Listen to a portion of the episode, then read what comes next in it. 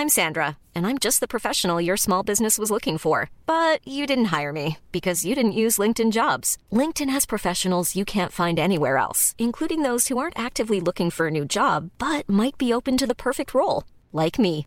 In a given month, over 70% of LinkedIn users don't visit other leading job sites. So if you're not looking on LinkedIn, you'll miss out on great candidates like Sandra. Start hiring professionals like a professional. Post your free job on linkedin.com/people today.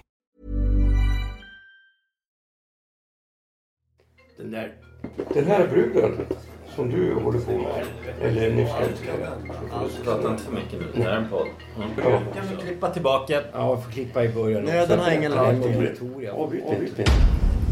Välkomna till ett nytt avsnitt av podcasten Cyril och Stig. Cyril, det är jag Cyril Hellman. Stig är författaren Stig Larsson. Podcasten produceras av Kontro. Dagens gäst är David Sandström. Trummis och ena ledaren tillsammans med Dennis Lyxzén för ett av Sveriges internationellt sett mest kända band, Refused.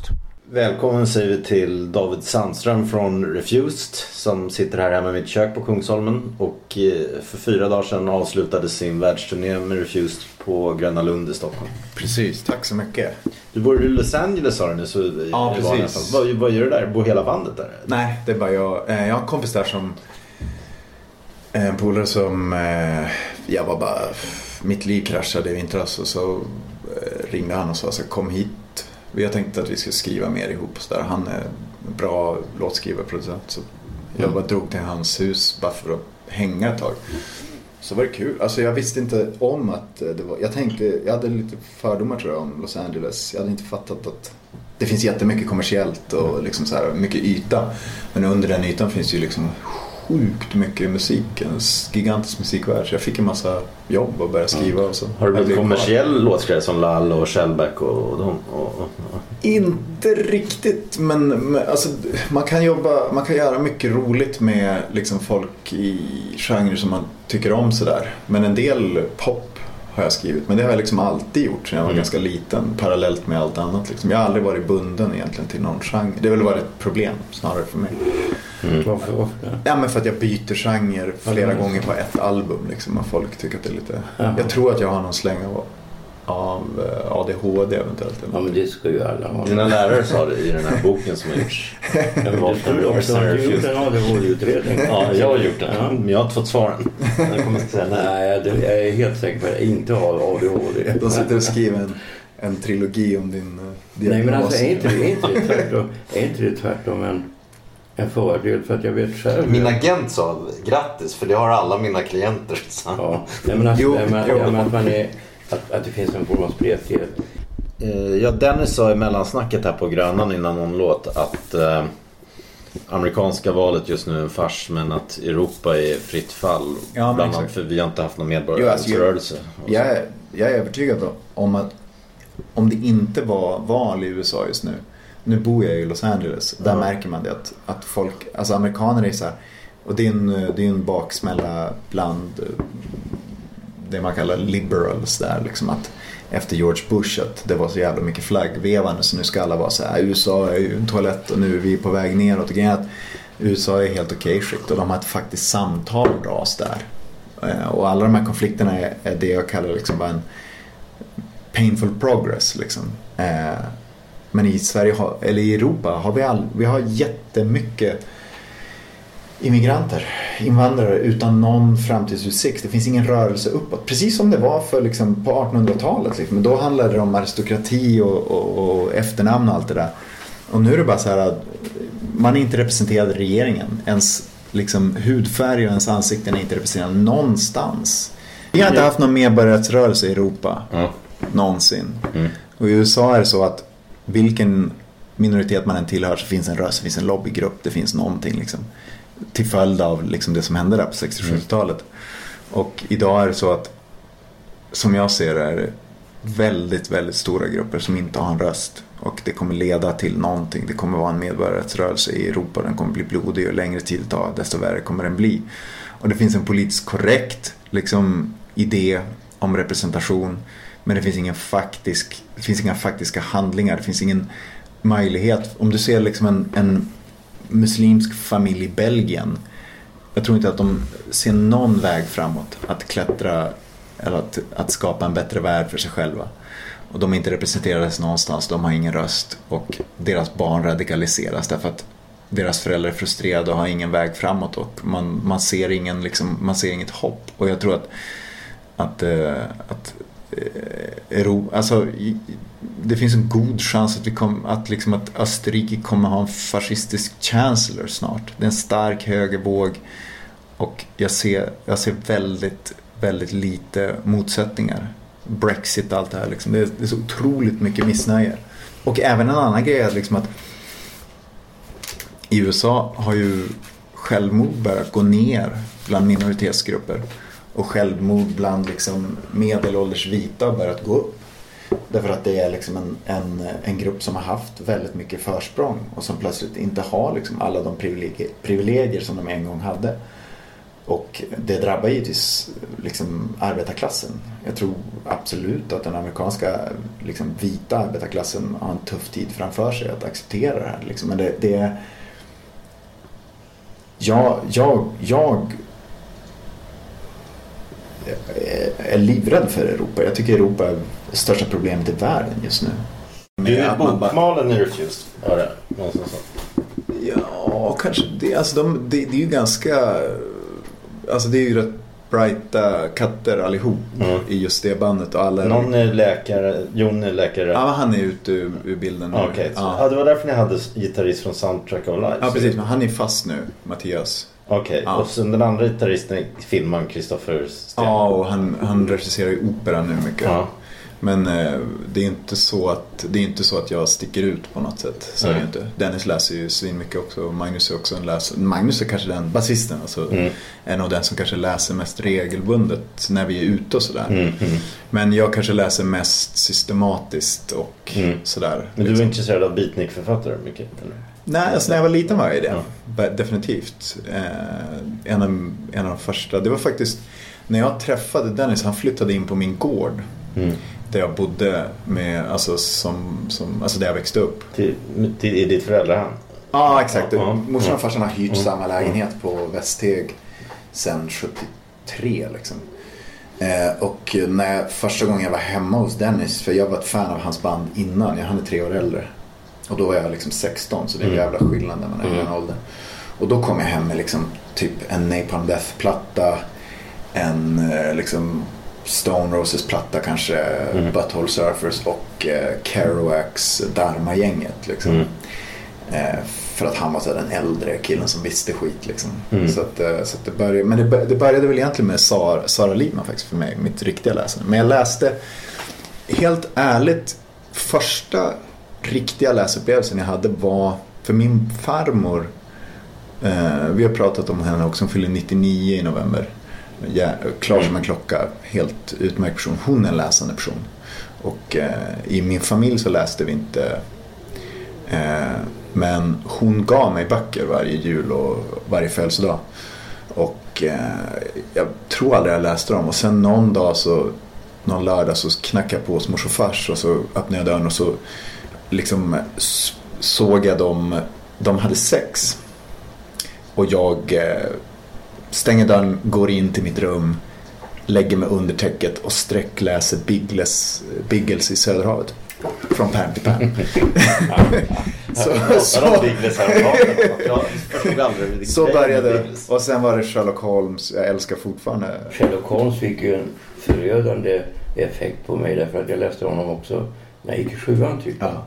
Och så är det ju så här i den här, är den första Sherlock Holmes han träffar Dr. Watson till fyra stycken. Och Dr. Watson är så korrekt så han vet inte hur han ska formulera det.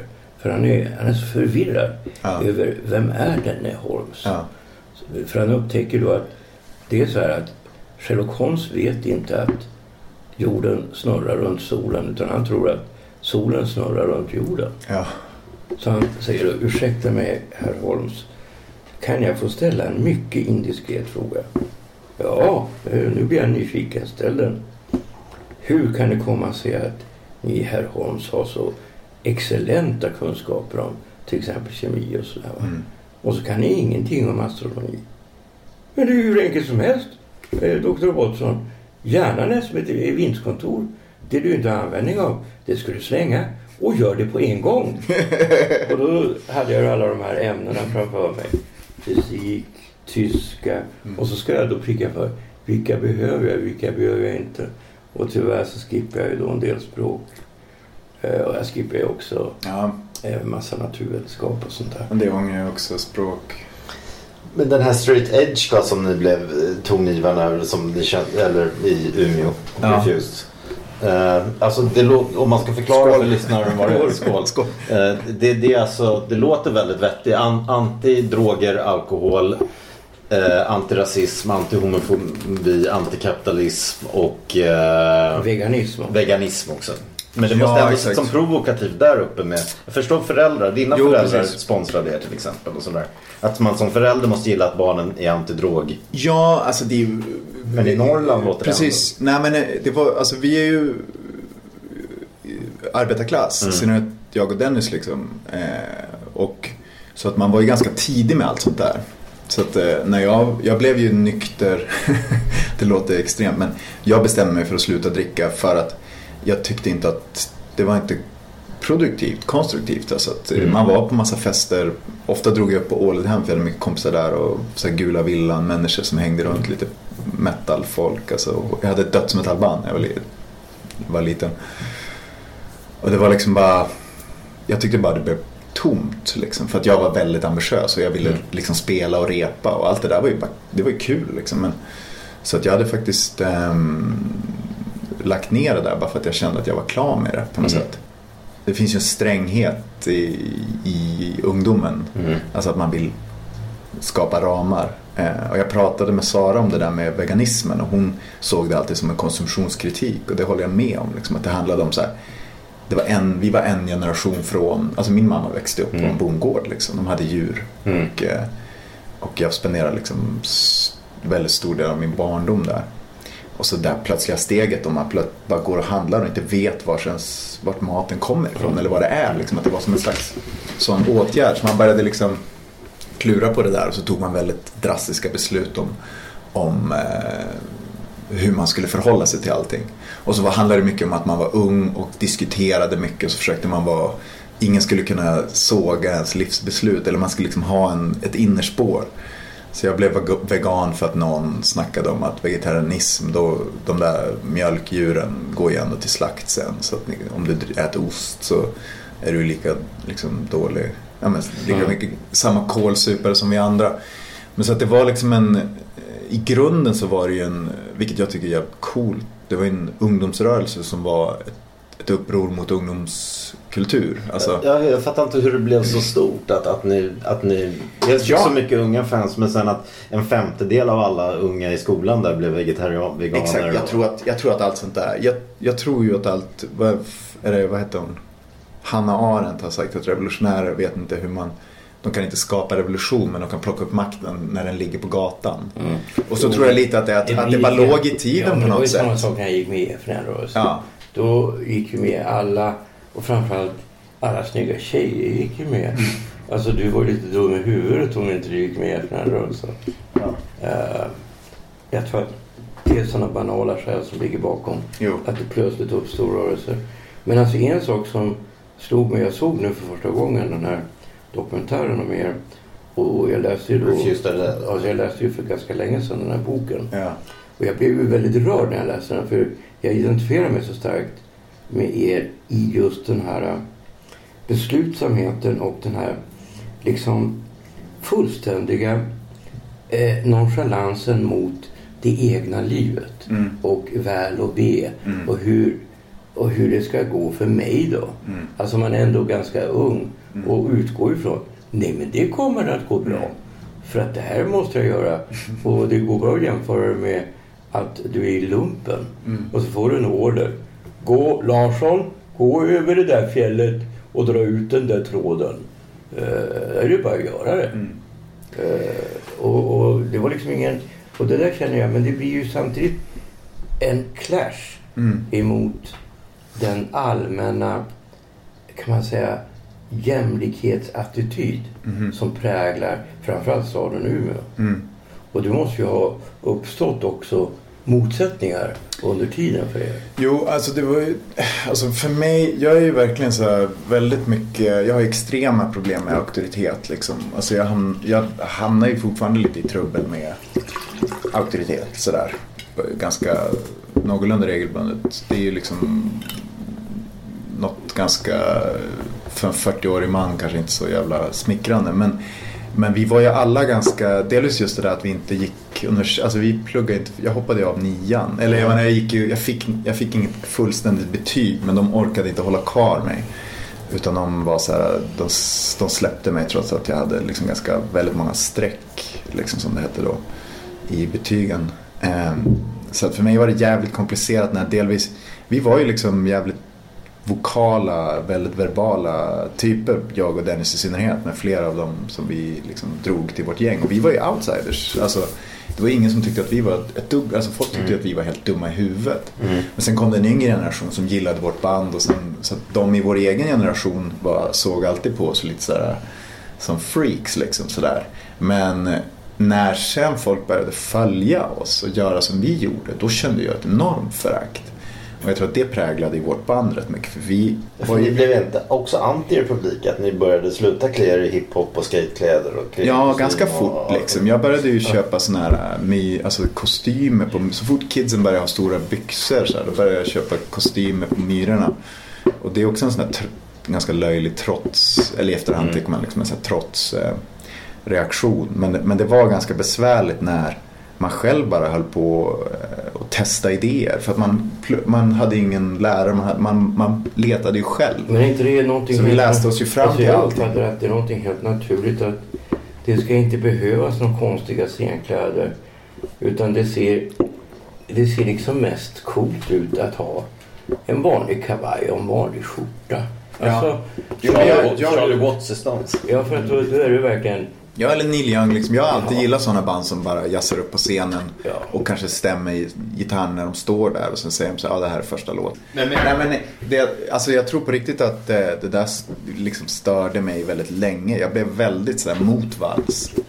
Alltså i väldigt många år. Alltså, vi, jag pratade med någon kompis häromdagen som var lite mer, ja men som en sån här mer DIY-punkare som fortfarande släpper sina egna grejer på vinyl 7 och sådär.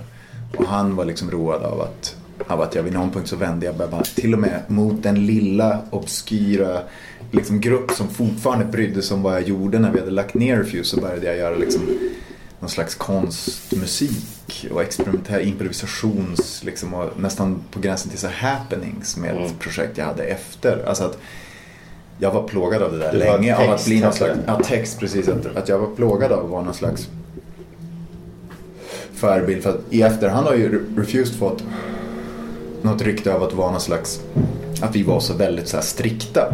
Men vi, om man faktiskt tittar på de plattorna vi gjorde, vi bytte ju, alltså vi, det var ju bara en så här, en en, liksom en eh, torktumlare av idéer hela tiden. Och alla de som var i den där inre kretsen, vissa av dem är liksom lingvistiska lektorer på universitet eller lärare eller liksom så här, tar någon masters i filmfoto eller operaregissör. Alltså vi var alla, de kidsen som kom efter var mycket mer punk än vi var. Vi var ju liksom bara fri, alltså vi, vi var ju liksom sökare på ett, på ett så här väldigt, jag menar efter Refuse la ner så startade jag komp- en kompis ett kollektiv ute i Sundbyberg som var liksom mer eller mindre ett feministiskt kollektiv. Och hade basgrupper för kvinnorna hade en basgrupp, männen och så hade vi en gemensam. Alltså, och vi tryckte böcker och liksom gjorde gatukonst och, och byggde en replokal. Alltså, så här, det, liksom, det, det, har, det har aldrig upphört. eh, Och att jag slutade till exempel vara vegan och vegetarian var ju inte... Det var För inte nu dricker, det är bara jag som dricker alkoholfritt här. Nu dricker du vin. och det, var, det, var, det måste jag säga att för att ha varit någon sån där liksom tongivande katt inom den rörelsen så det var ju aldrig någon som tyckte det var konstigt. Jag tror att alla hade väntat sig att jag skulle... För att jag, jag har alltid haft blicken inåt och kritiserat, under den tiden så kritiserade jag mest oss. Liksom, och hur våran rörelse såg ut och hur vi betedde oss och vad vi sa och om de där idéerna höll. Jag tror generellt så, jag är ganska eh, egocentrerad. Jag, jag, är mest, jag attackerar oftast, jag lägger mest tid på att attackera de idéer jag själv har och lever efter. Men alltså det nämns vid, vid två tillfällen i, I, nej, vid ett tillfälle nämns det. Det är vid två tillfällen som nämns det här. Nu pratar vi boken? Ja, Ja, nej, filmen. Filmen. Ehm, det här med inför den här spelningen att du och Dennis tittar på varandra. Men jag tänker på en annan grej. Det är att det nämns att när ni träffas så känner ni ja det här är någonting. Det här kommer att kunna bli någonting. Mm. Alltså, och det där minns jag ju själv från olika vänner jag har träffat genom åren. Och framförallt om man träffade när man var då i typ i tonåren. Att det, det, sker en form av, i mitt fall, alltså väldigt tydligt elitistiskt val. Oh ja. Alltså det var inte nödvändigtvis så att det var de som var intresserade av kultur eller det jag själv var intresserad av. Men de ska vara bra på någonting. Exakt. Och de ska vara roliga och liksom umgås med det. För att jag hatar när man bor i en stad som Umeå. Så blir det ju så att man lär känna de flesta människor som är i ens ungefär åldersspann. Va? Ganska snabbt. Och det alltså jag är ju uppvuxen då, jag är ju född 55. Så det var ju 71 som jag började liksom kunna gå på fester och sådär. va. Och då var det ju, då var ju hippietiden och det blev ju mest att då var det ju jag gillar aldrig det där med att röka hasch. Men då var det liksom man rökte hasch, drack te och lyssnade på Pink Floyd eller något Exakt, sånt där. ja. Och ingenting hände. Nej, exakt. Alltså du vet, exakt. kväll ut efter kväll. Precis. Så det var bara helt dött. Jag tänkte, jag måste ta mig bort från de här jävla människorna på något sätt. Alltså. Och, och eh, det gjorde vi då till slut på olika sätt och vis. Det utkristalliserades ett mindre gäng och vi gjorde den här tidskriften Kod och så här. Men vi hade en filmgrupp. Först en teatergrupp, sen en filmgrupp. Men, alltså, men det där var väldigt viktigt och de där tidiga valen, de är jävligt viktiga alltså. Och Umeå, Umeå då var, alltså när jag var, var tonåring så var det ju, alltså det måste jag säga, det var en helt makalös plats. Delvis därför att de fortfarande hade den här filmstudion och Tor Lundmark, du kommer ihåg Trio Ja. Ja, han skrev, om man då köpte deras, eller skulle gå på det där fick man ett häfte och där hade han skrivit texten om Woody Allens Annie Hall. eh, Du vet så här, Mm. att, man, att man var så här, och så kunde man gå och se sån där film när man var liksom 15. Ja, visst, och blev jag exponerad. Och det fanns, och som, som så här, jag kom ju från ett hem som var väldigt sportigt. Jag var motocrossförare, brottare, fotbollsspelare liksom. Eh, Men hade alltid den andra sidan av att jag ville upptäcka nya saker, musik och, och, och allt sånt där. Jag såg min första pjäs när jag var typ 22 eller 23. Jag såg ju personkretspremiären i Umeå. Det var nog, ja, det kan ha varit den första pjäs jag någonsin såg. Liksom. Ehm, men jag tror att jag upptäckte rätt tidigt att, eller jag tyckte själv liksom att, och det håller jag fortfarande fast vid, att punkarna är, liksom, är inte de riktiga punkarna. Utan att de är liksom utspridda, de som verkligen är engagerade på riktigt, uppriktigt i sitt uttryck och i samhället. De kan liksom inte eh, stänga in sig i någon liten subkultur bara. Punk För är lite gå mot strömmen. Ja precis, alltså det som jag menar med punk liksom. Och sen så är det ju vissa punkare jag känner som faktiskt är riktiga punkare också. Sådär. Men, men, liksom, eh, men att eh, det här med att man, alltså det jag ser som punk är källkritik.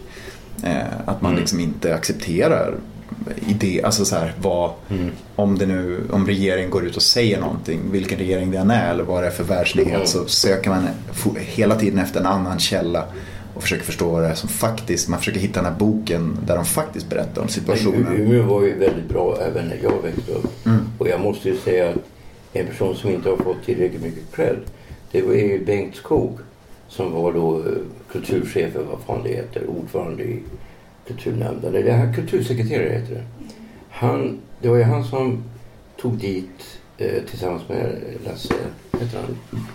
Lasse Lystedt, eh, i. Jazzfestivalen. Gud ja, jag läste Och, hans. eh, den är, det är en ouppskattad eh, klassiker tycker jag. Swinging Umeå och hans självbiografi.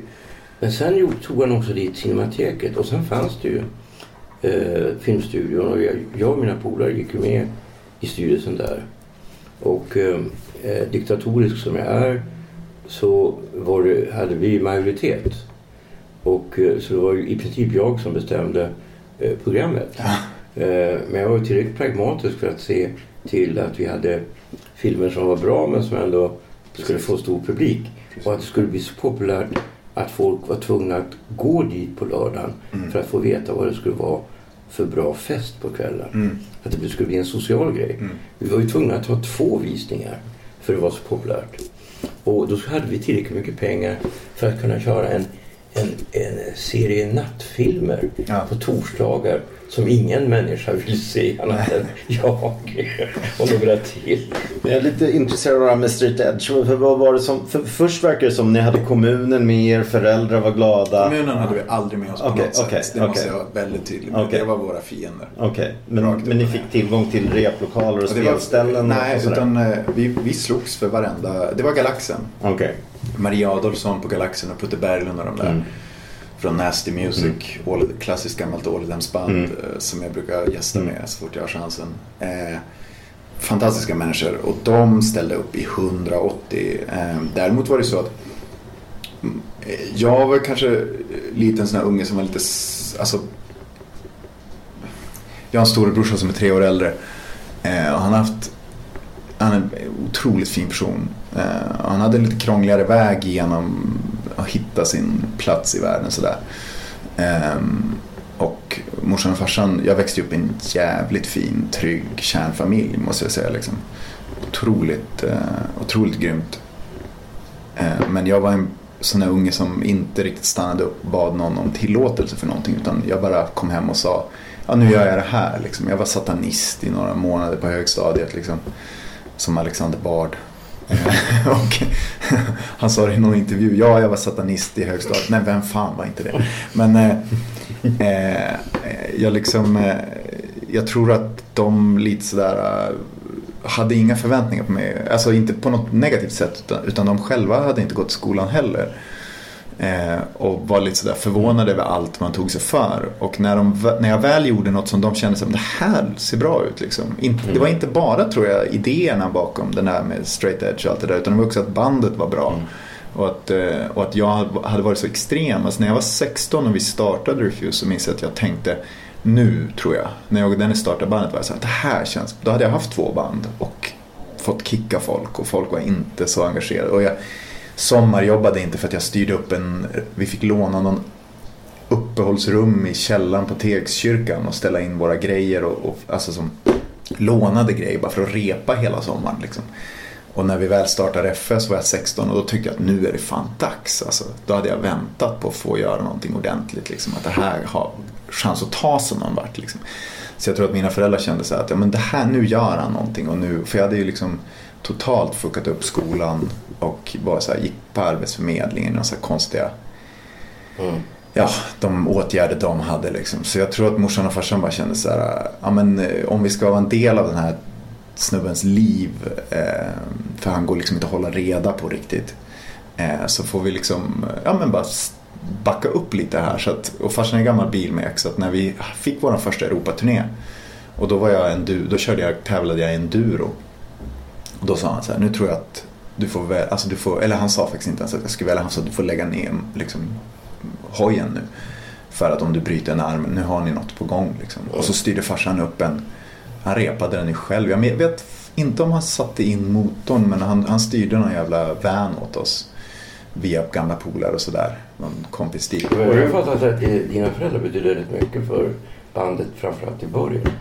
Ja, alltså vi var ju, vi hade ju nog gjort det vi skulle göra i vilket fall. För vi var ju liksom, ja men som det var jag och Dennis. Dennis har vi säkert också, han har ju aldrig, aldrig gjort någon, någon utredning heller. Men liksom, det är ju, det är ju det är inte så intressant för oss som liksom ändå tar oss fram. Det spelar ingen roll. Om vi inte behöver hjälp så är det kanon. Så då behöver man inte veta vad det är. Men, eh, men vi var nog ganska ostoppbara. Men, men morsan och farsan var så här, men fan då stöttar vi dem. För morsan hade också varit så här alltid ganska engagerad i eh, hon startade så här föräldrar på stan i, i eh, Umeå därför att kidsen hängde ju bara på Rådhustorget och det hände ingenting och så var det slagsmål eller vad det var. Så morsan gick ner till bibliotekscaféet och sa så här, ja, men kan de, för att hon visste att vissa vill ju bara röja och supa, det är väl inget, det kan man inte göra något åt kanske, men, men däremot alla de som bara hänger runt och som känner grupptrycket, kan inte de få ha någonstans att vara? Så då hyrde hon, eller fick låna på något vis. Hon ordnade väl någon spons tror jag.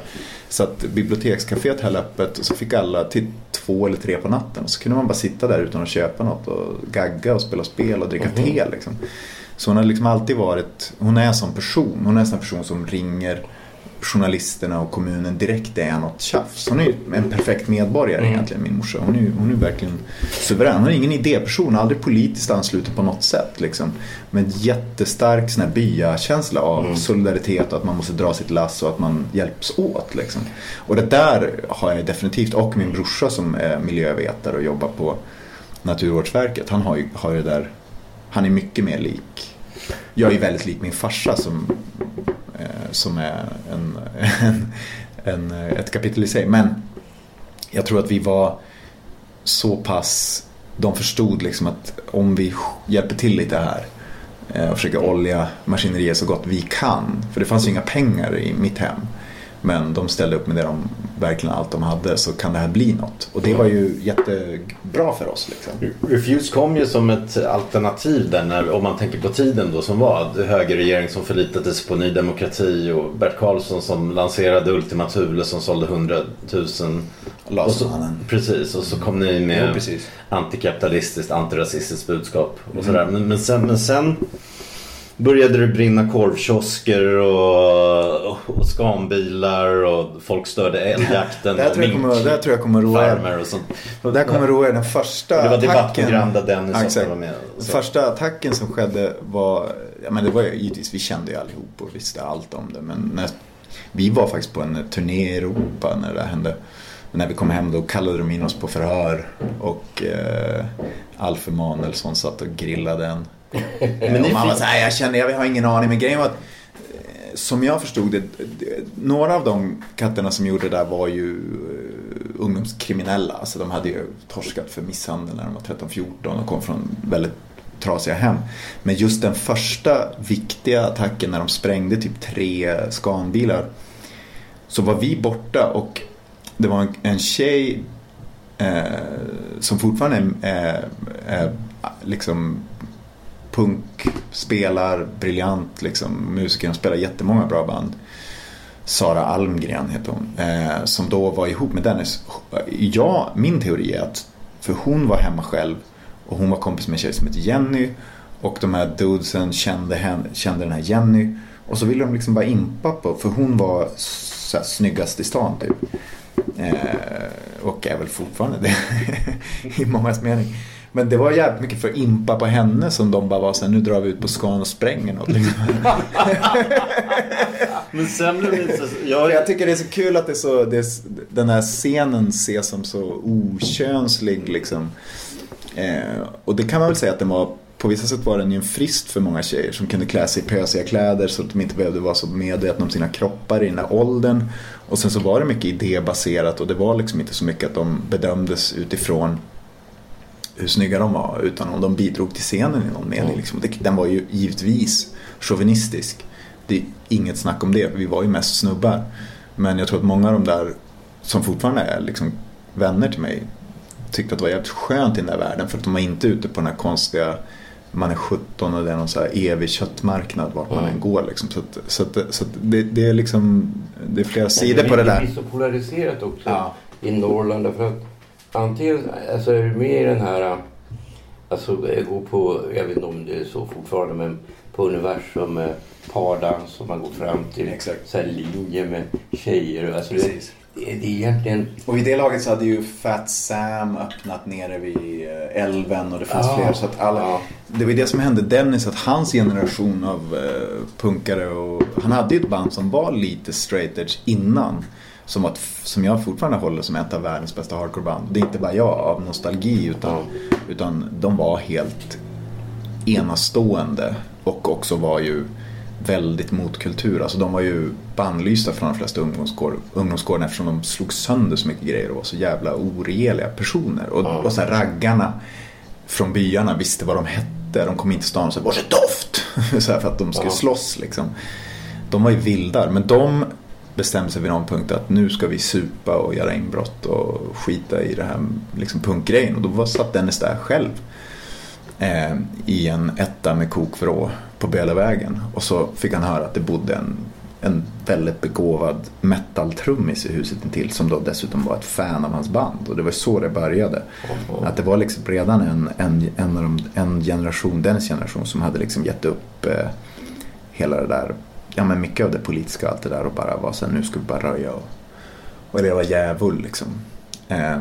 Men sen, det var, så, så det fanns ju, det, det, var ju, det var ju ett uppror mot en förväntan som fanns bland ens jämnåriga att bara dricka HB och knulla med fel person Ja. eh, på Nydala strand liksom. Och, och att man var så här, vi vill göra något. Och i efterhand, nu, för mig som musiker och, och allt annat jag har gjort, att ha spenderat de där åren mellan 16 och 23 nykter, väldigt, väldigt hårt turnerande, hårt arbetande musiker. Eh, inget bättre hade kunnat hänt mig. mm. Men sen givetvis när vi la ner så, så, så gick jag ju liksom tillbaks till, eller jag menar då, då levde jag ju ut Mm. något fruktansvärt liksom. Mm. Så, Men alltså för att jag klargör det här nu lite grann i kronologi. Alltså, ni la ner Refused, var det 99? 98 på hösten. 98 på hösten. Och sedan startade ni igen. Ja exakt, 2012. Var det bara för, det skrevs om att ni fick miljoner för Coachella-spelningen? Ja, det fick vi. Var det bara för pengarna eller kände ni att ni hade något Nej, eller politiskt att ge eller musikaliskt? Och, ja. vi hade ju... eh, Alltså, För nu är det liknande jag, jag tider kan, som Laserman tid. Ja, precis. Jag kan tycka att, att allt det där som Reffe, om man ser Reffes bana, man verk, alltså jag kallar Refused för Reffe. Eh, Men om man ser Refused bana, den utväxling, jag menar på första skivan så var det bara liksom Chomsky och amerikansk utrikespolitik och liksom så här väldigt, och på andra fullängden, på EPn vi gjorde däremellan så var det väldigt mycket personlig politik. På andra fullängden då var vi fullblodade socialister. Vi döpte ju skivan efter en av de här eh, IVV, alltså International Workers of the World, som Joe Hill skrev låtar åt de här häftena. Eh, De häftena hette ju Songs to fan the flames of discontent. Och det hette våran andra fullängder. Då var vi ju eh, fullfjädrade socialister. Och på sista plattan så är det ju väldigt mycket situationism. Shape liksom. of New Punk. Shape of Punk to come, ja precis. Eh, Eh, så att det var ju alltid en väldig utväxling hela tiden. Eh, Och det där fortsatte ju för oss alla när vi la ner bandet. Alltså, jag gick ju in i eh, eh så här, norrländsk ekonomisk historia och skrev en temaplatta om min morfars självmord som följd av den aggressiva nedläggningen av småbrukssamhället och Sara Lidman liksom relaterat ja, men, väldigt mycket järnbarnesviten och sånt som påverkade mig jättestarkt. Så jag blev besatt av norrländsk litteratur och gick in i Olof Högberg och liksom P.O. Salomonsson. Du, en, jag fick ett tips av Horace Ja. på en, en norrländsk arbetarförfattare som hette Karl Oskarsson. Karl Oskarsson. Eh, han hyrde en sommarstuga Ja. och så upptäckte han en... Då bara drog han bara ut en bok och han, han fattar ju ganska snabbt om det är bra. Va? ja. Och Lars Larsson som vet allting, Mm. han, han känner till eh, den här. Han sa, Alltså- ja, eh, han kom också på eh, förnamnet. Jag tror han hette Olof Karl Oskarsson. Jag skriver ner det direkt, ursäkta.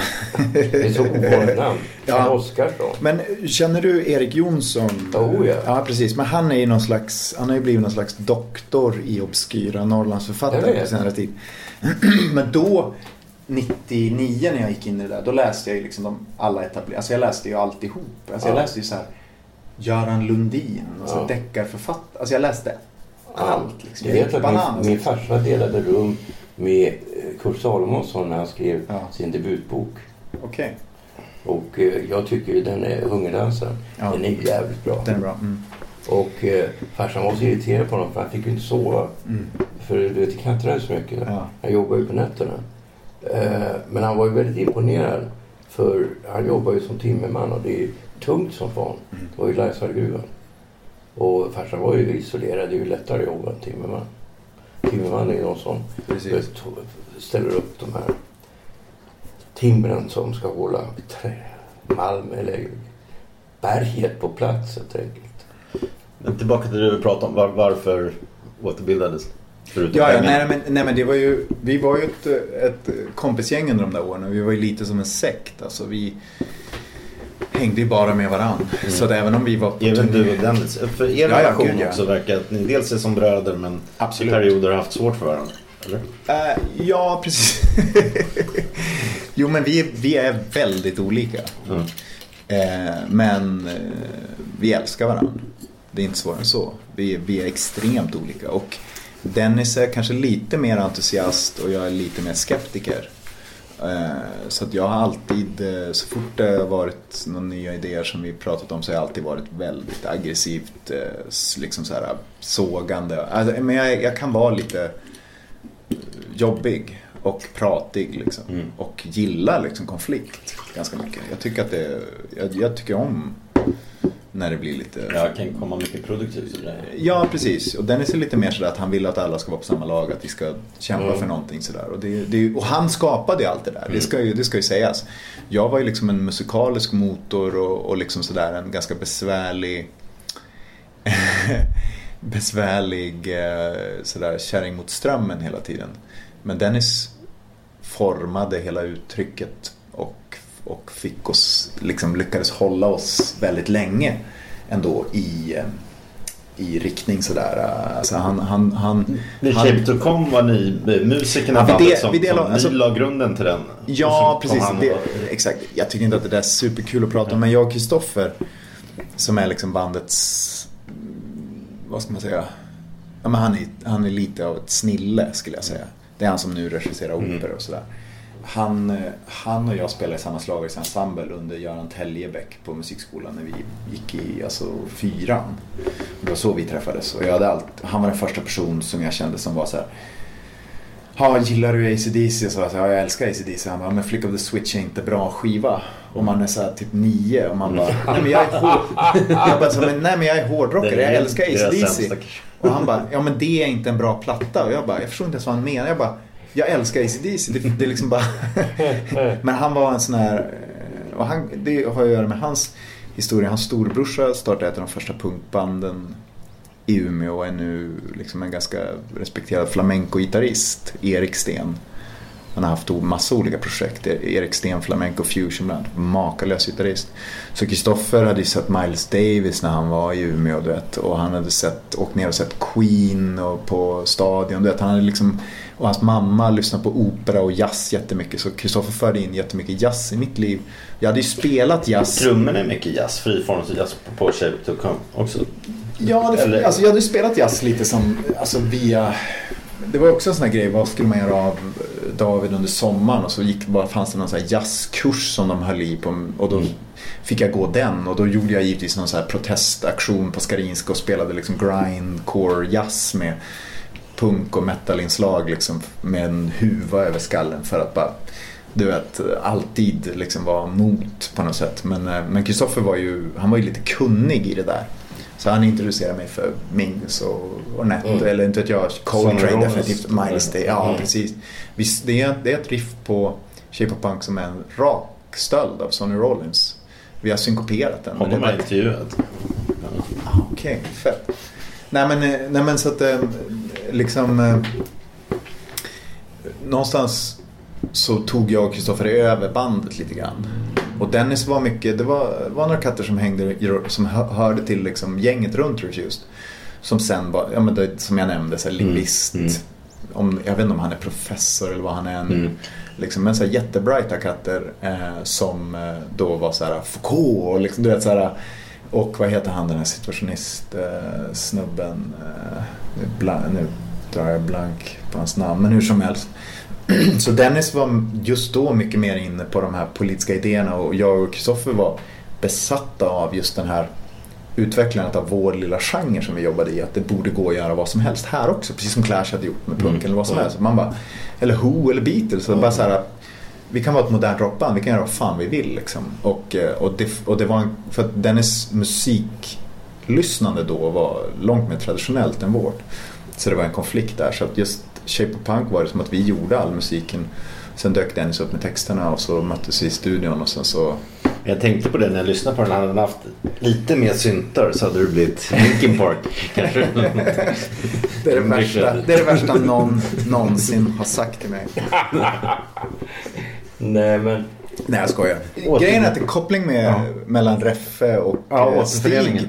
Nej men en koppling mellan Reffe och Stig är ju, är ju det här att jag prenumererar på ett litterärt fanzine som heter Mono. jag har en lång stolt tradition av att prenumerera på tidningar som läggs ner. Mm.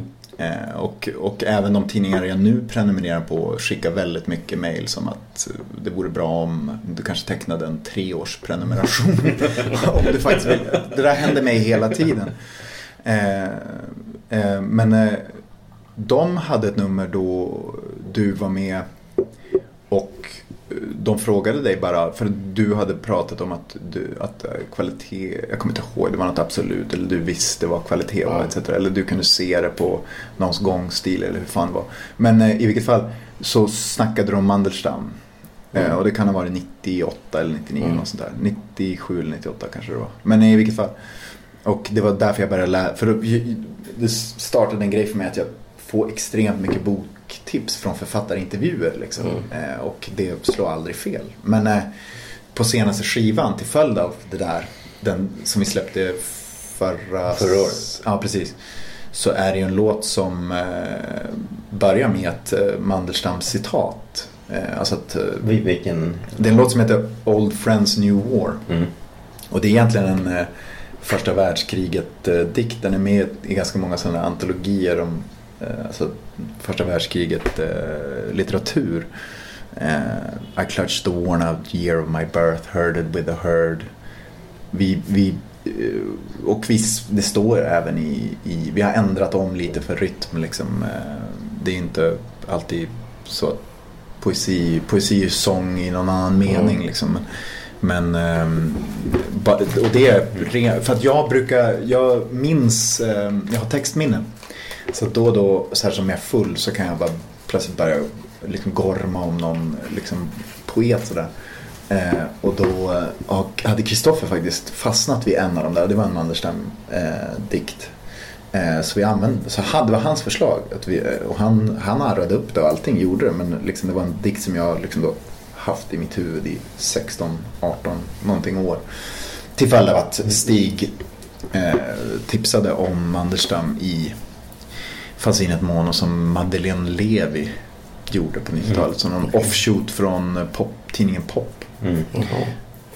Eh, Poesi i Ryssland och det, alltså man kan säga att det är väldigt sorgligt att se att den ryska poesin, man hade ju stora förväntningar på att den skulle, alltså när Sovjet föll, att det skulle komma fram en massa bra poesi. Va? Det har det ju inte gjort. Nej, Efter Nej verkligen alltså. Stalin där dog, det fanns bara efter fyra år efter hans maktövertagande fanns det, hade Författarförbundet bara 500 medlemmar kvar. Så de dog som flugor i början. Jo, men alltså, alltså grejen var Ja, den- i, I början av andra världskriget så köade folk i kvarter i London Ja. för en ny litet poesihäfte. Jo. Nej, men alltså, det fanns ju ett, ett stort intresse för poesi men man hade på något sätt på grund av eh, alltså kommunismen. Jag, jag tycker att det är intressant att se vad var det som var dåligt och vad var det som var bra med Sovjet. Därför att det går inte att komma Hiring for your small business? If you're not looking for professionals on LinkedIn, you're looking in the wrong place. That's like looking for your car keys in a fish tank.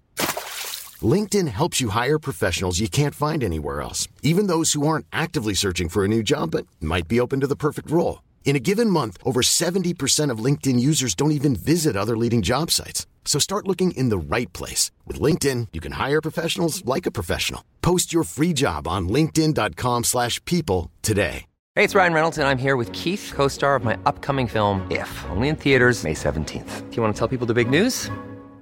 All right, I'll do it. Sign up now and you'll get unlimited for $15 a month in six months of Paramount Plus Essential Plan on us. Mintmobile.com slash switch. Upfront payment of $45 equivalent to $15 per month. Unlimited over 40 gigabytes per month. Face lower speeds. Videos at 480p. Active Mint customers by 531.24 get six months of Paramount Plus Essential Plan. Auto renews after six months. Offer ends May 31st, 2024. Separate Paramount Plus registration required. Terms and conditions apply if rated PG.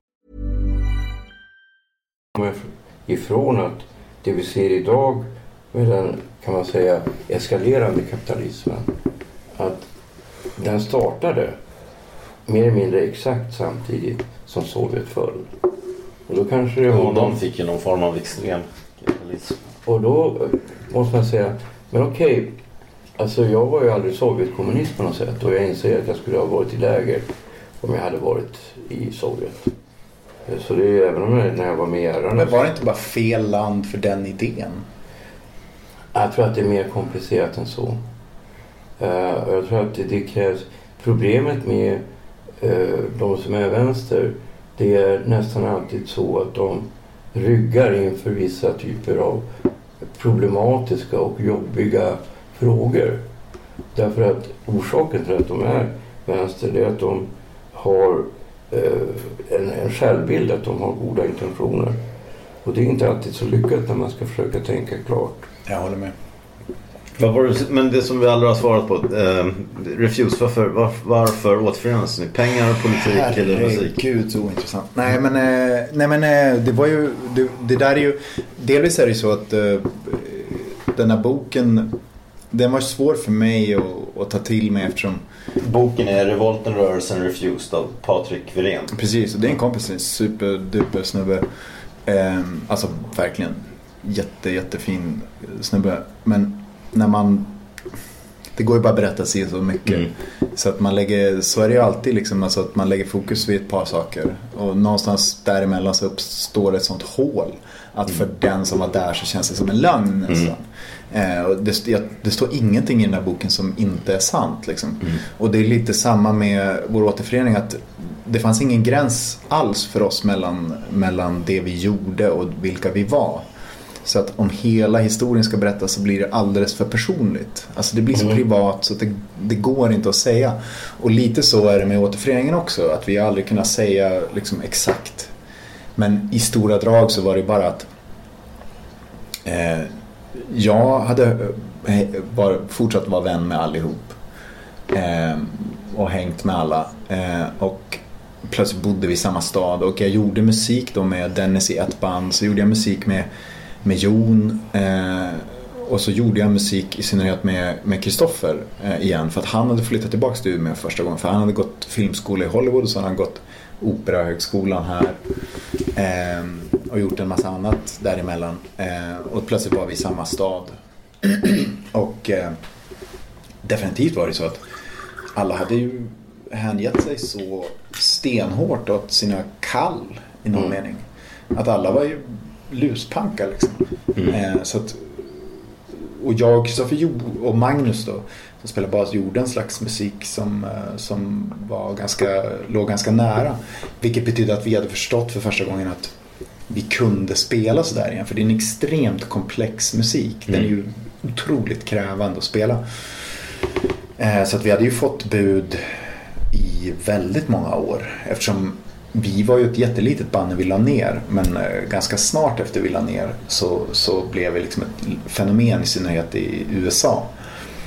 Eh, Den sista skivan vi gjorde var ett fiasko. Men ungefär ett år eller ett och ett halvt år efter så plötsligt var den att ma- många stora artister till Jag exempel bodde, i jag USA. bodde i New York då och Ja. var där. Och det var ju många artister som, jag intervjuade ju mycket rockband och, Precis, och jo, men skrevs mycket exakt. och många hänvisade till var en Fate No More-sångare snackade om mer och Meshuggah till Ja, exempel. Och, precis. Jag har fått veta sen, för vi turnerade med Faint More, då berättade sångaren att han hade försökt signa det här konstiga amöbiska konstprojektet Text till sin label. Men hade inte fått tag i oss. Liksom. Mm, okej. Eh, men för att då var jag ju liksom i en helt annan värld. Men ehm, eh, ehm, vi eh, vi var plötsligt vi hade sagt nej och nej och nej och nej. För att det fanns ju inte, alltså varför skulle vi göra det? Liksom, helt absurt.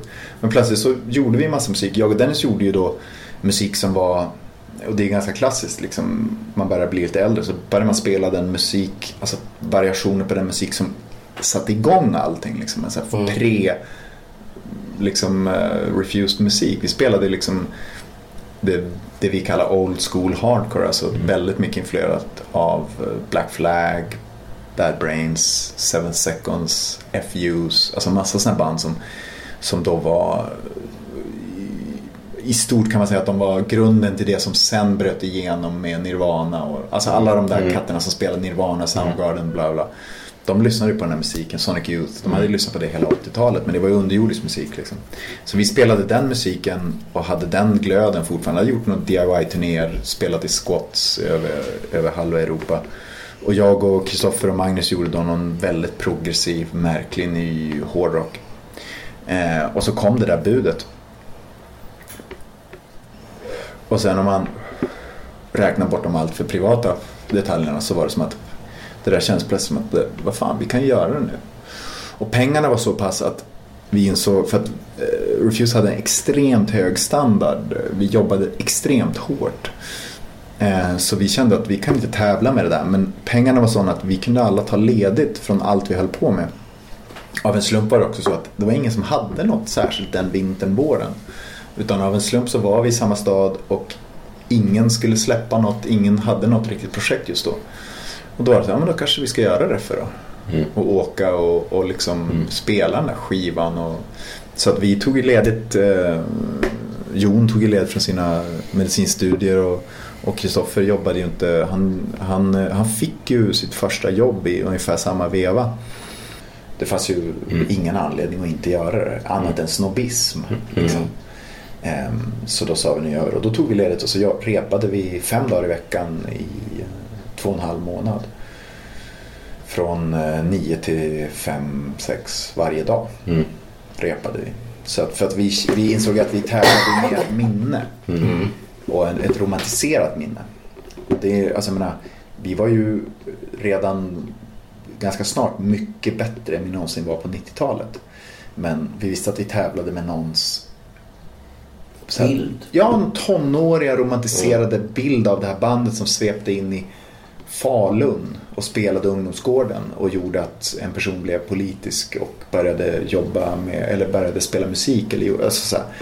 så att eh, vi insåg liksom att eh, ska det här göras och i vår anda då, då måste det verkligen vara, då måste vi arbeta. Så vi arbetade väldigt, väldigt, väldigt hårt. Och ändå var, tog det ett par gig innan vi nådde någonting. Alltså, Och sen det- blev det en ny skiva och världsturné. Ja, någonstans under den där processen så jag tror att jag hade känslan ganska tidigt men att eh, det tog ett tag för Kristoffer och, och, och, ehm, och köpa den. Och det var ju att de där låtarna vi höll på med var ju Refuse-låtar egentligen. Vilka är dina förebilder som trummisar? För jag tänker du, du kör ju väldigt hårt, slår sönder trumpinnar och trumskinn och cymbaler och så. Lite så som eh, John Bonham tänker jag, Led Zeppelin. Men det är samtidigt där lite jazz, Jan Pace till Purple tänker jag, lite där. Alltså, det, som trum, alltså nu är jag ju multi-instrumentalist Ja. så det är, ju, det är ju även eh, inte bara trummisar som kan influera ens trumspel och sådär. Men, men i grunden så var det ju så att ehm, i Dennis första band så spelar en trummis som heter Jens Nordén. Eh, och han var ja, men lite av en eh, sån person man var rädd för på stan i Umeå liksom, när man var liten. Liksom. Och han, han var ju, vad ska man säga, ja, men, jag, vet, jag tror inte att det är någon som, alltså allt är väl preskriberat men han var ju kanske inte helt, han levde inte inom lagens råmärken om man säger så. Eh, var en värsting. Eh, och han, första gången jag såg dem var på Lucia-rocken på Ålhemsgården 1989.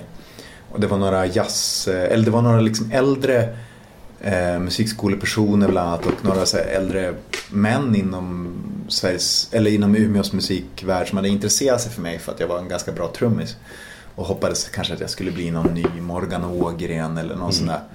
Så de hade stört sig på att jag hade börjat lyssna på Slayer. Som är liksom ett... ett ja, men det är till denna dag. Trash metal-band kallas de väl? Eller? Ja, de, ja, de brukar, de brukar vara, samtidigt nämnas som, eh, ja precis, de brukar nämnas som förebilder för speed metal Mm. och döds även. Det finns inte ett metalband idag som inte är inspirerad av dem. Och de håller fortfarande väldigt hög standard. Jämfört med Metallica Mm. och sådana band som inte har gjort en bra låt på 20 år. Men, Ehm, så de tyckte att jag skulle åka upp på Ålhemsgården och se ett band som var lite mognare. Som var ungefär i min ålder men de spelade lite så Thin Lizzy med stämsång och sådär. Så ville de att jag skulle gå och se dem för att kanske inspireras att, att lugna ner mig lite. För att de, de förstod inte eh, vad hela den här extremmusikgrejen var. Och, och jag såg dem och de var bra men saken var att efter dem på den här ungdomsgården så gick ju Step Forward på. Och Dennis slet av sig tröjan, det stod jävla skit i tusch över bröstet på honom. Och de var tajta som fan och de spelade då redan US Hard, alltså de spelade Black Flag covers, Dead Kennedys låtar. Eh, och Jens som spelade trummor, han slog så fruktansvärt hårt. Och de hade någon plywood-scen och det bara studsade och sen givetvis när spelningen var över så slog han sönder trumset. Du vet sådär. Och eh, jag stod där och var någon så här lite musikskole-jazzkille och var bara så här, ja det är det där jag ska göra. Det var liksom, det var schackmatt liksom. Så att där, så började det för mig. Det var liksom eh, i Umeå på en ungdomsgård och ett band som hette Step Forward som var till denna dag eh, ett av mina absoluta favoritband. Men sen så är det ju jättemånga som har influerat. Liksom, det finns jättemånga trummisar. Jag, jag lyssnade jättemycket på Meshuggah när jag var ännu yngre, alltså innan Ja, Thomas där pratade i intervjuer Thomas någon gång. Precis. Han, han berättade om, då, då gjorde ni spelningar tillsammans ibland allihopa. Mm. Alltså att ni var helt vilda brukar det vara. Ja, precis. Ja, jo, nej men... eh, Det var ju mång, precis, det var ju inte bara Straight Edge där. Det var ju, det var ju andra band som kom fram där. Deportees, Meshuggah, Sarah Hot Nights. Deportees var ju straight edge Ja, ja, visst, band det- det var det innan. Ja, precis. Men de sa när jag intervjuade dem för mig, att när de bytte stil så blev det så här klotter på väggarna i omklädningsrummet och sånt med pika mot dem. Och... Ja, alltså punkscenen, eller Umeå Hardcore som jag har tatuerat här på. Den scenen eh, hatade ju dem av någon Mm. anledning. Men jag gillade ju dem. Men jag gillade ju också Umeå Hardcore-banden. Men Mm. jag gillade ju också... Men när startade egentligen den här hardcore-scenen? Vilket år? Eh, det är lite svårt att säga. Alltså, det finns en snubbe som heter Kalle Backman som är en god vän som är... Jag ska kanske säga att han är någon slags nihilist. Inte så att han säger det själv men i hans livsstil liksom. Han är, han är, men han är en jättefin vän. eh, Otroligt fin person. Han var lite pionjär. Han var med en vända i det band som heter Gitarrslaktarna tror jag. Han hade en bunt band. De var också, de var ju Mariehem arbetarklass. Jag skulle, nog, jag skulle nog vilja säga att Mariehem kanske är roten till hela Umeå Hardcore Game. Men Dennis kom ju från Vännäs och, och Jens Ja. också liksom. Men alltså det var någon gång 82 eller något sånt va? Ja, alltså den punkscenen i Umeå startade ju med en bunt band, bland annat då Gillén och dem, alltså em, vad heter de, Eh, Pinheads. Mhm. Och sen var det ju eh, Janne Marklund och de som hette Citizen Kane. Och sen var det några andra band. Men våran grej startade ju med ett band som hette Step Forward.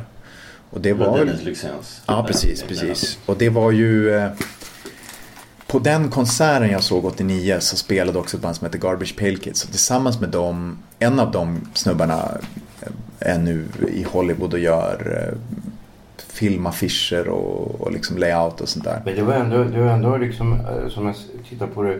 För jag gjorde ju den här filmen Punk. Mm, Den började jag göra i januari 78. mm, Och då fanns det bara tre eller fyra band i, Stock- Mm. i Stockholm. mm, Som punkband. Bland annat då Ebba Grön. Ebba Grön, KSMB, Noise och så var det ett band. Ehm, Tanks. Ehm, de spelade något som hette Destroy. Det var en variant av punk som han sa, en, Matti Hagman som var ledare för bandet. De är med bara en liten kort snutt för de kan inte... sa, jag får be om ursäkt Stig. Du vet, vi är ju legender.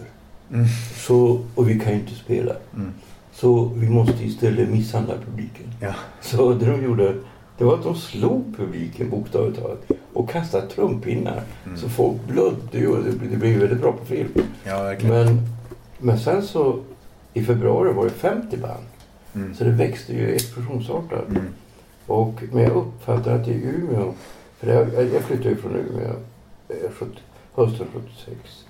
Så var ju då, så var det då en väldigt stark musikscen som var så här, vänsterscen. Mm. Som var Progg alltså. så, progg. Som punken var en reaktion emot. Mm. Alltså för de uppfattade, och den, alltså rent musikaliskt sett så var den helt enkelt, den hette Stacken. Så var den helt enkelt fullständigt urusel. Mm.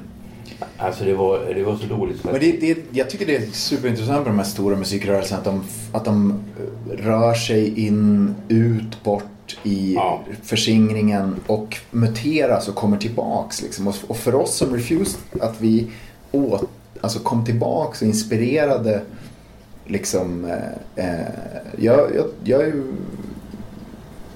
Jag är, alltså, hur ska man säga? Jag har bott i mycket kollektiv och sådär. Alltså jag, är ju, en- jag tror ju på kollektiv. Alltså jag är fascinerad av människans kollektiv. Även om jag ofta, ofta har flytt det. Liksom, och, bott, och bott väldigt isolerat. Men Men jag ser ju inte just Shape of Punk Come att massa, massa band i USA blev inspirerad av det som bara våran grej. Utan det var ju, det hade ju liksom den här det var ju liksom Gillén och, och Maria Adolfsson och Göran Teljebäck och massa sådana människor som hade Mm. liksom åter liksom gett oss en massa energi och kraft och det hade liksom svallat fram och tillbaks. Så att, så att, eh, och Umeå är verkligen en sån här stad där det där kommer och går hela tiden. Det går ju ner i svackor och försvinner och sen kommer upp och, och, och just våran grej var ovanligt intensiv av en slump därför att vi var några jävligt ambitiösa katter som Ja, det, verkligen, det handlar, handlar, alltså man ska vara riktigt rå, vilket jag tycker att man ska vara. För att göra generaliseringar. Om man inte gör generaliseringar kommer man inte långt. Nej, det går inte att ha en konversation. Då så är det så att om du tittar till exempel på Luleå. Jag gjorde ju lumpen i Luleå. Det var en fruktansvärd stad. Eh, Enbart bestående av raggare som slog varandra. Eh, ofta med knivar och sådär. Eh, man kom inte in någonstans. Du är ju ingen Lulebo. Mm. Så du, fick liksom gå, gå tillbaka till regementet. Va? Eh, och så kommer du dit sen. Så är det en helt okej stad. Och jag lovar, det har rätt mycket att göra med den här Mattias här. Mm. Jo men Matti var inblandad. Alltså, Dennis och de här katterna från Garbage Pale Kids som var liksom då 89-90 de dominerande Mm. punkbanden. De gjorde, delvis gjorde de den här loggan och gav ut kassetter. Och det här var liksom, jag har den tatuerad på min handled därför att det här var min, mina tonår. Jag det? lyssnade, Umeå Hardcore det. Mm. Och jag lyssnade på de här kassetterna och, de, och det var där jag träffade folk och träffade tjejer och träffade, liksom blev inspirerad liksom, eh, att skapa mitt liv. Liksom. Eh, Det förändrade allt för mig. Eh, Jag hade varit otroligt vilt sökande, läst franska serier och Mm. lyssnat på Captain Beefheart och testat allt möjligt. Men Step Forward åkte upp och spelade på eh, en skateboardtävling i jag tror det var i Luleå. Och mycket värstingar hängde. Det var otroligt mycket Umeåbor i häktet den natten för att de gled ut och slogs liksom. Eh, men många av de som såg dem den kvällen startade band och blev inspirerade. Och sen så tog vi dem till Umeå. De tog oss till Luleå och Piteå. Och Matti var en av de där som hade varit jättetidig med punk. Och hade, så det fanns en grogrund i Luleå för att han hade redan liksom inspirerat massa yngre kids. Eh, Och det blev en bunt band som sen turnerade, som man stötte på, alltså kids som han inspirerade som när man är ute och turnerar i USA säger sig jag älskar det där bandet. Så man Mm. bara, ja just det, men det var ju Matti som lånade dem alla plattorna liksom. Jag vet. Och jag tycker det är så jävla... Jag honom Och Matti hade ju ingen, han hade ju väldigt länge, alltså han, han sjöng i, i Bear Quartet som är Ja. ett band som jag älskar sådär. Men, och BQ var ju, de var ju hopplösa. De, de, eh, jag tror det var lite så att Westside Fabrication som gav ut dem fick någon slags bidrag från kommunen eller något EU-bidrag så de behövde aldrig dra in pengar. Utan skivorna var betalda så att, och det passade BQ för de ville göra en skiva per år. Och de blev aldrig särskilt kända men de, de är ju kanske Sveriges bästa popband någonsin. stora indiekretsar. Indiepopkretsar. Ja, inom nördiga, Mm. sådana som mig liksom. Ja.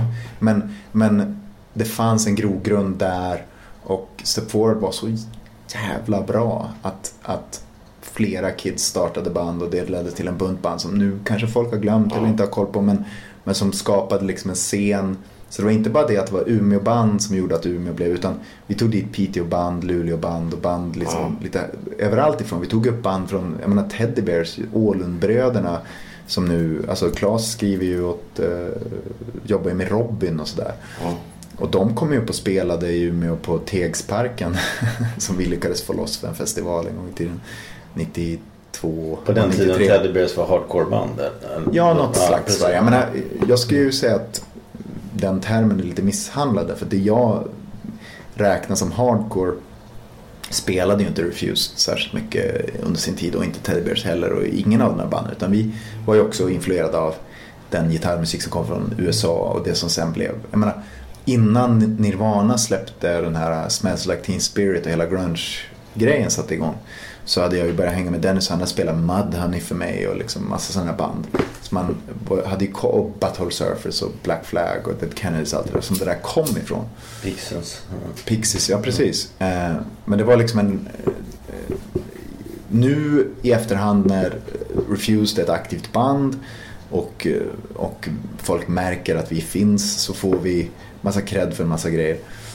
Men saken är att vi tillhörde ju en jättestor grupp där i norr. Liksom, av. Det är precis som, som, som liksom eh, att, att eh, litteraturscenen, alltså att, att, att PO och Torgny och Sara och.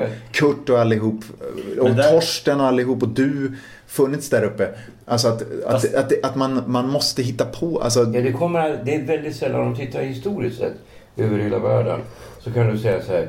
Jo, det verkar ju som att Emily Dickinson var ganska ensam.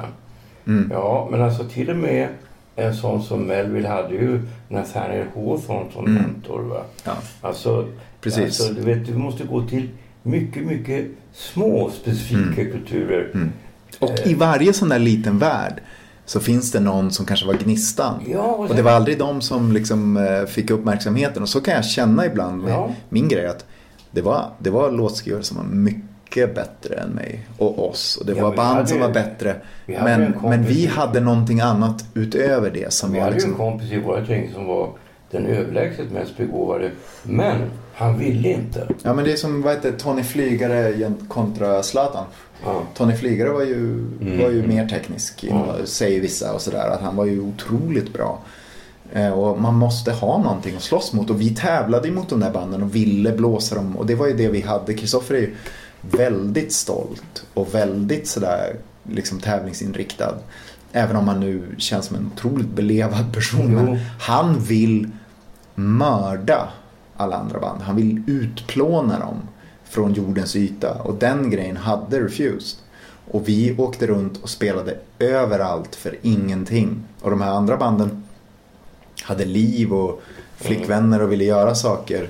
Och de ville ta betalt. Och vi kom dit och blåste bort och var bättre live och tog inget betalt. Mm. Och mycket av vår liksom, eh, vad ska man säga, dominans eller varför vårt namn blev så ökänt.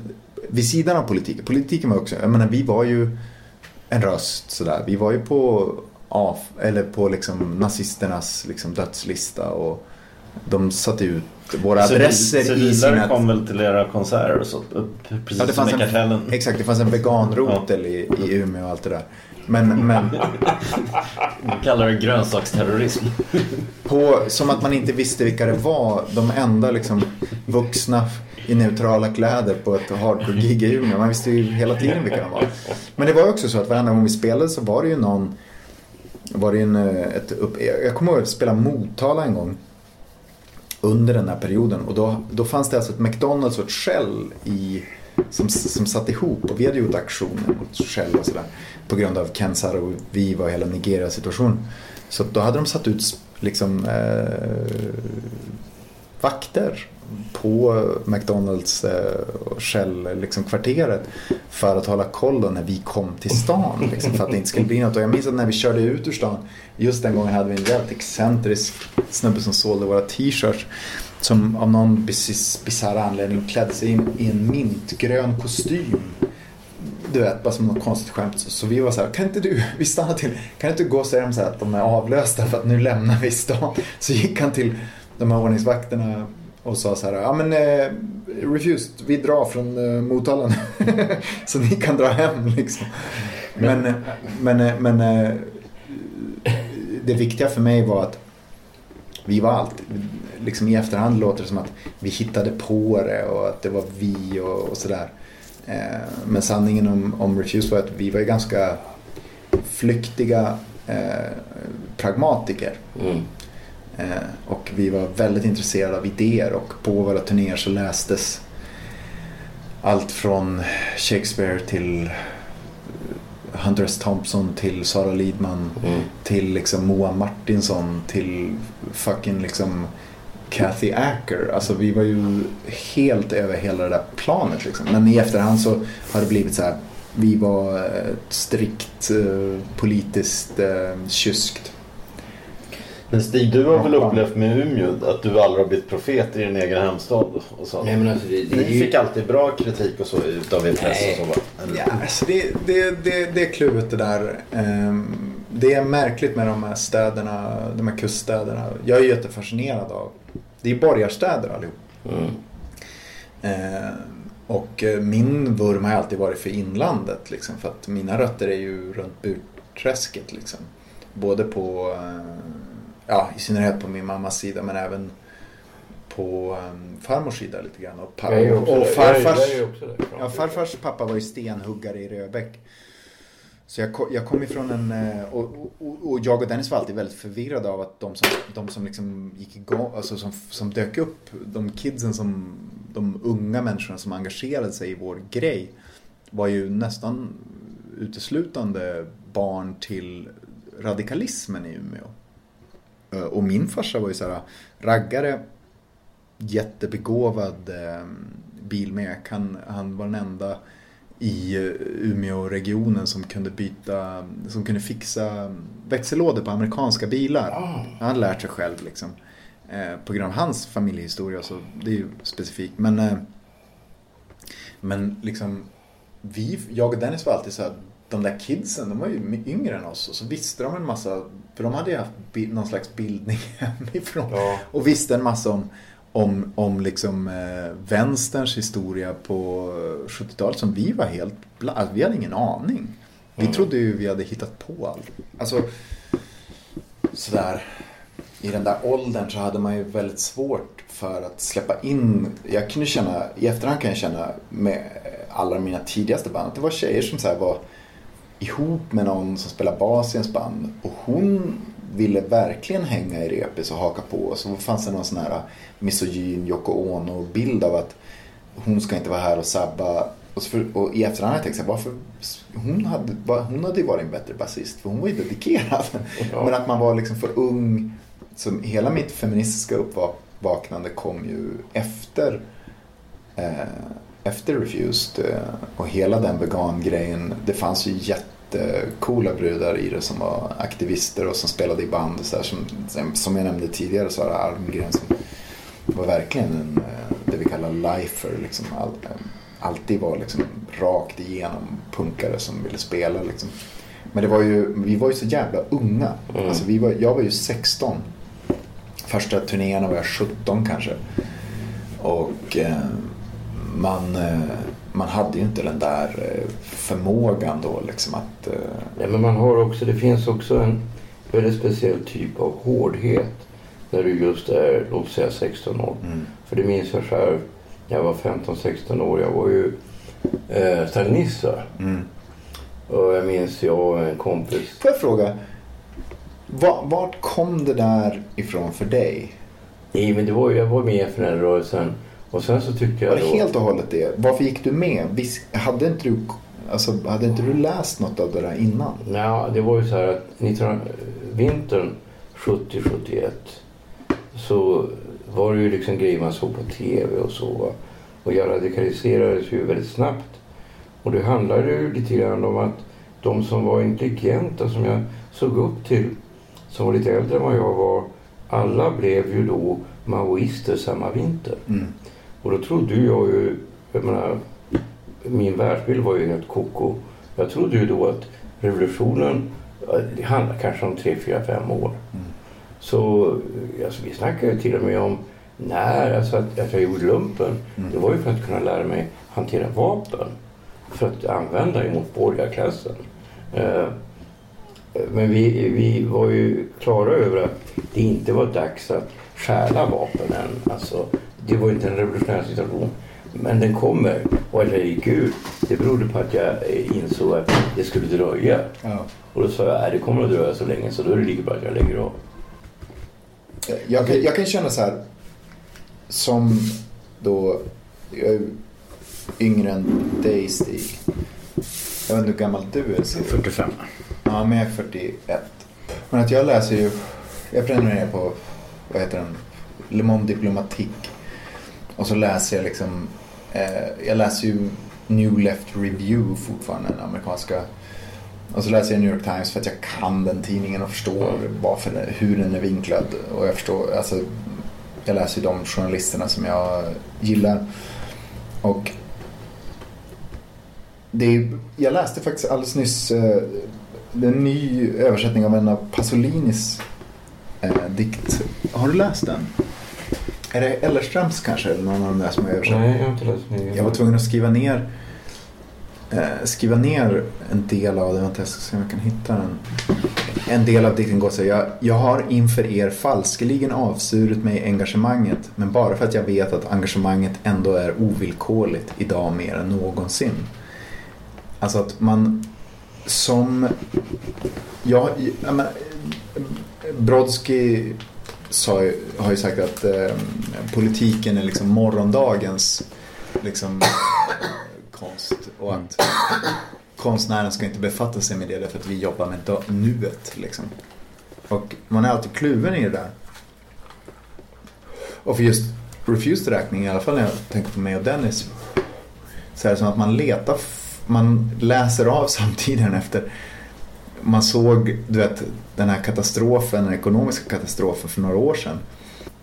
Som ett så här, alltså för ett tag sedan så tyckte folk man var sjuk i huvudet när man pratade om kap- kapitalismen och sådär.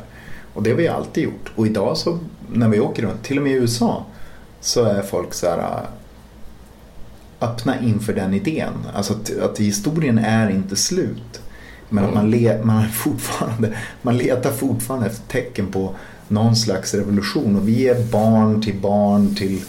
Förstår du vad jag menar? Alltså att, att det är en, det är en, jag kan känna så att jag har inget behov av att representera eh, personligen representera någon liksom revolutionär idé. Men jag läser liksom så mycket jag kan och försöker förstå liksom okej om vänstern är över, vad har vi då? Och vart är vi då? Liksom? man kan säga så här. Problemet med revolutionen, den som har beskrivit det bäst, det tycker jag är Kant. I, en text som han skrev 1804 som heter Huruvida världen går mot det bättre eller inte. Mm. Där han tar upp, det handlar ju då om erfarenheten av franska revolutionen. Och där han menar, alltså han på något sätt förutsäger ungefär 100 år före sin tid reformism. Och av det enkla skälet att de som tar makten i när det handlar om snabba samhällsförändringar det är människor som inte är särskilt snälla. Mm. Utan det är människor som eh, gillar makt och är beredda att använda extremt brutala medel. Det, det där ser man i det lilla därför att så var det ju med hela djurrättsrörelsen. Vi deltog inte särskilt mycket aktivt i den därför att det var ju personer som vi kunde inte relatera till. Mm. De som var beredda att spränga liksom, lastbilar och Mm. frigöra. Jag, vet att Dennis var med någon gång och frigjorde och vi limmade lite lås på pälsbutiker och sådär. Det är, det är en otroligt bra bild av liksom vår sort i relation till det där. För det avkrävdes ju oss ett visst engagemang. Vi hade ju varit nere och spelat i Västerås med ett band som heter Candy Suck. En artist som heter Ma- Marit Bergman. Som idag är en popartist. Ja, hon och hennes kompisar var ju väldigt liksom, radikala då. Och vi var inte fullt så radikala. Vi hade inte- liksom inte förstått den där eh, att det gick att gå över den där gränsen och bli liksom, deltagande på ett aktivt sätt. Men de smashade liksom eh, fönster på porrbutiker och pälsbutiker och allt möjligt. Liksom. Ehm, och vi kom hem till Umeå och var så här, men vi kanske skulle, som killar kan vara också så här att vi borde göra en molotov cocktail och klura ut hur det funkar. Det var liksom våran idé. Så vi spenderade en halv dag, vi lånade en moppe av någon som fortfarande har en gammal moppe, tömde bensin, stoppade i en flaska. Så gick vi runt liksom och försökte hitta ett vettigt ställe och kasta den där mitt i vintern i Umeå. Liksom. Och så kom vi på att gamla brofästet, eh, alltså bron i sig är gjord av trä men Mm. fästena är ju sten och metall. Så vi tänkte att vi kan testa den mot, de är ganska nära liksom, strandpromenaden på Mm. stadssidan. Vi var ju från Teg liksom, men på andra sidan älven. Eh, och så var det ju då, eh, tingshuset ligger ju där. Mm. Så det var en massa polisbilar så vi var oh, oh, så vi gick runt liksom några varv och sen så försvann de. Så gick vi ner dit, vi hade ju lagt hela dagen på det här. Så, och så var det som att, jag minns inte om jag kastade, jag tror att jag tände Eh, och vände den och fick fyr på den liksom. Och sen skulle kanske Magnus då som var liksom den starkaste kasta den där. Så, och det, Umeälven är så ström. Så att runt, längs kanten och runt brofästena så är det ju öppet vatten. Så han slängde den där och vi tänkte vi skulle se om det där funkade. Som någon slags start på någon aktivism. Ehm, vi var Vad ju- hände då? Ja men den uh, seglade ju en väldigt snygg båge ner i det öppna vattnet just in till brofästet och bara försvann. Ingen smäll. Och det hade vi lagt hela dagen på. Så var det som att, eller min slutsats var så här. Det där är inte vårt jobb liksom. Ja. I slutändan. Umeå då? Du- För Stig var lite upprörd när det var kulturhuvudstad och så. De, de uppmärksammade varken Stig, Refused eller Meshuggah som ändå har fört ut Umeå i världen. Ja men nu, alla. nu öppnar du en maskburk. Nej men för att ehm, en stad som Umeå Annie Proulx, alltså hon som skrev den här uh, Brokeback Mountain bland annat. Ja, jag vet. Ja, Film. precis, Ja, precis. Jag, jag har en hennes böcker, jag har inte läst dem. Nej men hon, hon är ju, jag tycker hon är en utmärkt, eh, utmärkt eh, novellförfattare. Novellförfattare, Hennes ja. novellsamlingar är magiska och utspelar sig helt och hållet i, i liksom ehm, ehm, Montana typ. Eller? Nej, utan det är, vilken är det nu? Men det är en av de här cowboy Mm. liksom, staterna. Hon har skrivit When you live a long way out you make your own fun. Som är väldigt, liksom, Mm. som jag tycker är helt sant för, för, liksom, för, för det, vi, det vi gjorde och, och, och det som alltid varit. Det har alltid funnits en gräs, alltså allt var av nöd gräsrots. Så att våran punkgrej, DIY-grej kom inte från punken utan den kom bara från att all teatern i Umeå var gräsrots. Konstscenen var gräsrots. Musikscenen var gräsrots. Alla, jag menar, Settlers i Umeå bokade sina egna gig och tog upp band från Tyskland som de hade varit nere och spelat med.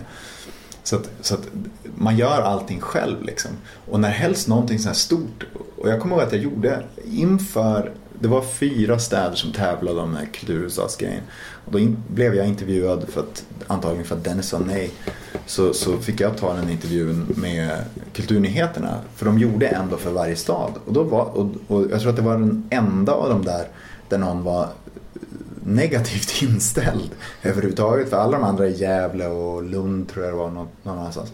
Så de sa, ja men det, det är så fantastiskt och vi har en så fantastisk idé. Och jag var så här, det enda som kommer hända är liksom att det som fungerar nu, gräsrosor och som folk vill gå på, det kommer dö ut.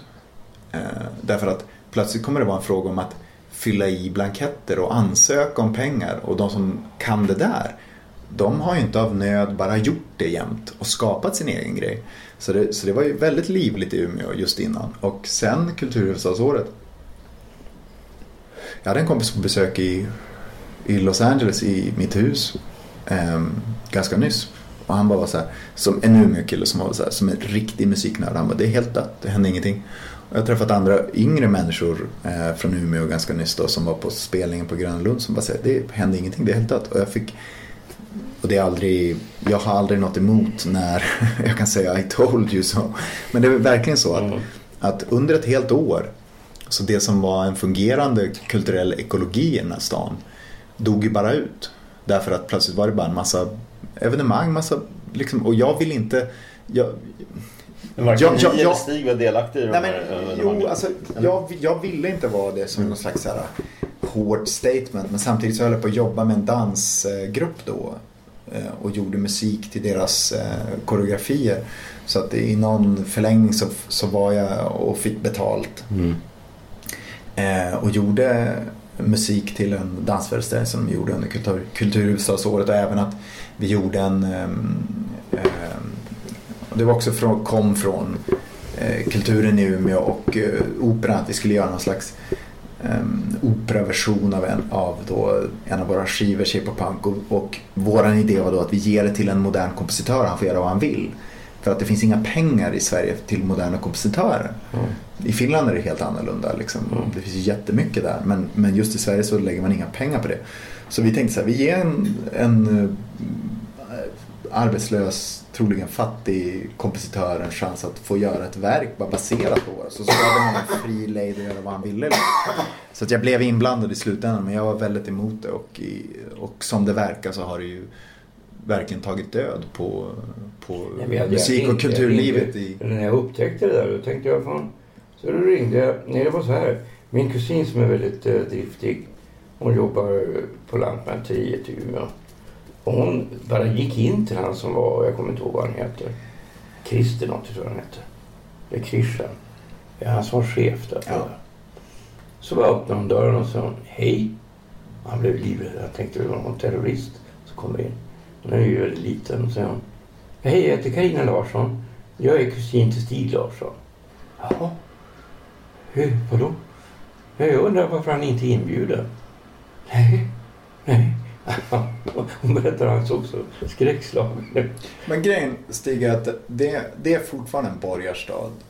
Och det spelar ingen roll vad vi gör. Det kommer alltid vara det. Jo, för, alltså- att, för, att, för att det, det är så långt mer liksom komplext och rotat. Ingen, ingen kulturrörelse kan förändra det. Och saken är att när du pratar om så här att du vill göra lumpen för att, för att förbereda dig inför... Hela ditt liksom, livsverk har varit liksom, en attack mot de där människorna. Och du har sagt så ohyggligt mycket kontroversiella saker. Och, du, och vissa av dem misstänker jag, du kan ju säga till mig om jag har fel, men du har ju sagt mycket för, för att du har så... Du, du har så stora problem och jag har också problem med den politiska korrekta Liksom, alltså det politiska Ja. korrekta och jag tycker det, för, för att jag tycker att det, dö, det är liksom döden för all intellektuell liksom, verksamhet in en persons hjärna. Och det faktum att du inte blev inkluderad är liksom bara en vinst. Liksom. Var stolt över det. Jo, jag vet. Men jag tycker samtidigt... Alltså det går inte att komma ifrån... Alltså jag tänker bara rent krasst ekonomiskt. Jo. Var, varför... Alltså... Eh, varför spelar de inte mina pjäser i Umeå? Det är ju helt enkelt, det är ju helt enkelt lite, lite knäppt. Jag tror att de är rädda för att om de gör det så kommer du säga någonting eh, liksom, eh, liksom oanständigt om 14-åriga tjejers vaginor. Liksom.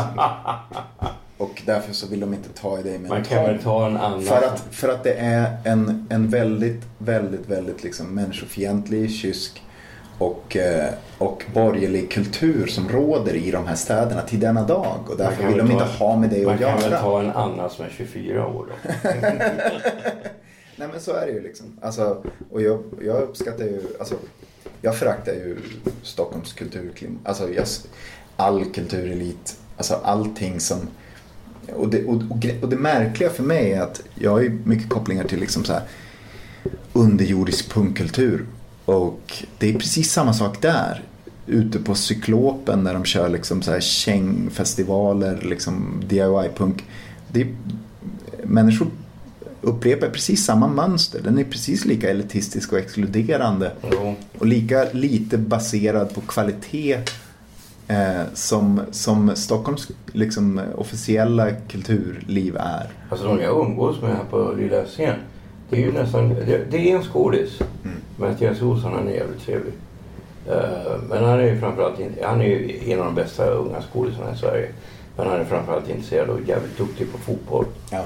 Eh, men annars är det liksom killar som håller på med båtmotorer eller, eller byggjobbare och så här, och tjejer som håller, sitter i kassan eller jobbar på, inom vården. Eh, det är nästan ingen som har det du skulle kunna kalla för ett intellektuellt arbete om du inte då räknar med de som håller på och gör spel, dataspel. För sådana finns det, de är helt okej. Alltså du vet så här, datanördar. Mm. Totalt apolitiska. Ja, men de är liksom de är trevliga. Ja. Uh, och tjäna en jävla massa pengar. Det är så här absurt. Det är så här liksom du vet hippietyper som, eh, som är jätterika. De vet inte vad de ska göra med pengarna. Nej, Ja, jag tjänar ju jävla massa pengar. Liksom, man, det, det syns inte på dem. Alltså, de är liksom, det är inte den stilen.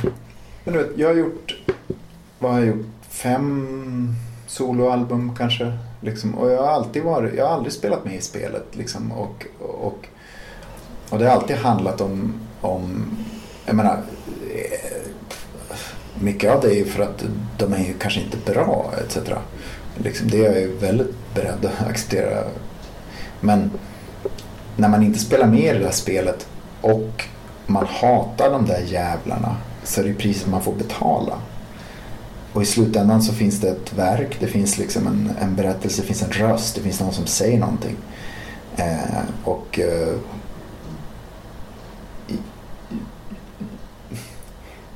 jag, jag själv tänker så här, jag bryr, jag, jag bryr mig inte om om jag är pank i december därför att man överlever, man klarar sig, man, man hittar sätt liksom.